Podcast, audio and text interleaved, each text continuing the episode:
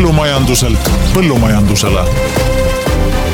Agrofanaatika, taimekasvatuse taskuhääling.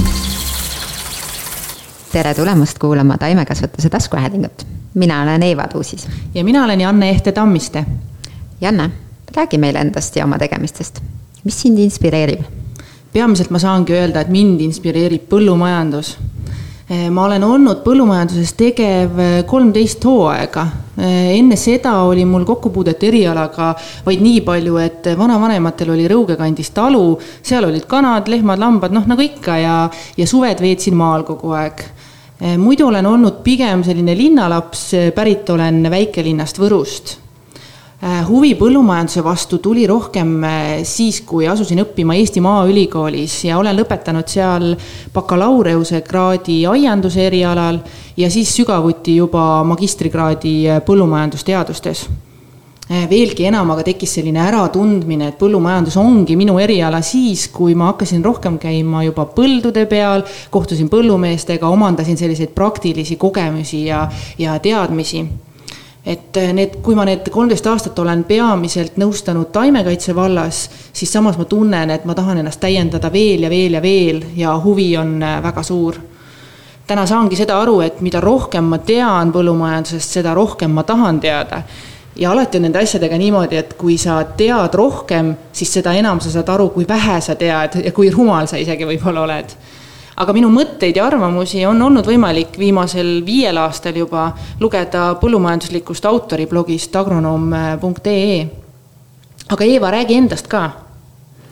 jaa ähm,, see on minu üheksas hooaeg põllumajanduses äh, ennem kui ma põllumajandusse sattusin, äh, töötasin ma üldse kinnisvarasektoris ja ka turundajana oma esimesed teadmised siis põllumajandusest sain Olustarest ja sealt edasi täiendasin ennast Eesti Maaülikoolis äh, maamajanduse ja finantsjuhtimise erialal. täna siis õpin uuesti ja seekord on valdkonnaks siis põllumajandussaaduste tootmine ja turustamine.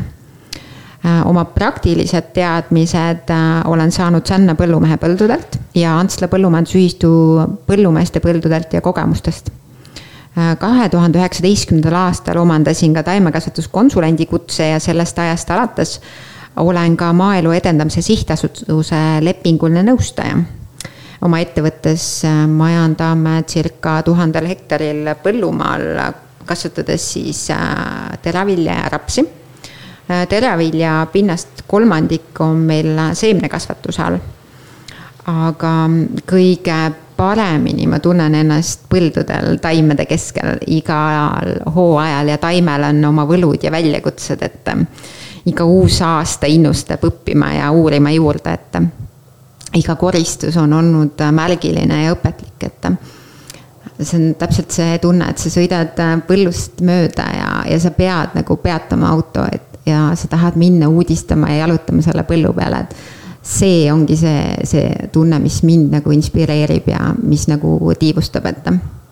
Janne, mis sinu jaoks on agrofanaatika?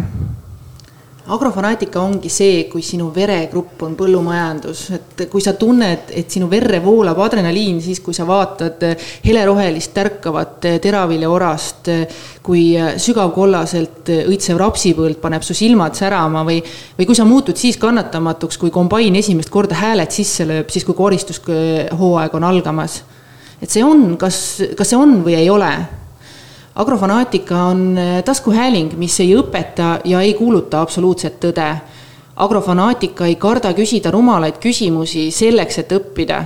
ja õppida tahame me koos põllumeeste ja oma eriala spetsialistidega. mis sa arvad vahekultuuridest? milline on hea külvikord? milline on optimaalne külviaeg? aga kuidas rajada see üks ja hea rohumaa? kuidas väetada, et taim kasvaks ja kõik vajalik jõuaks taimeni? Mis õigupoolest on integreeritud taimekaitse? mida ma pean teadma sellest veeseadusest? see ongi agrofanaatika, jääge ootele.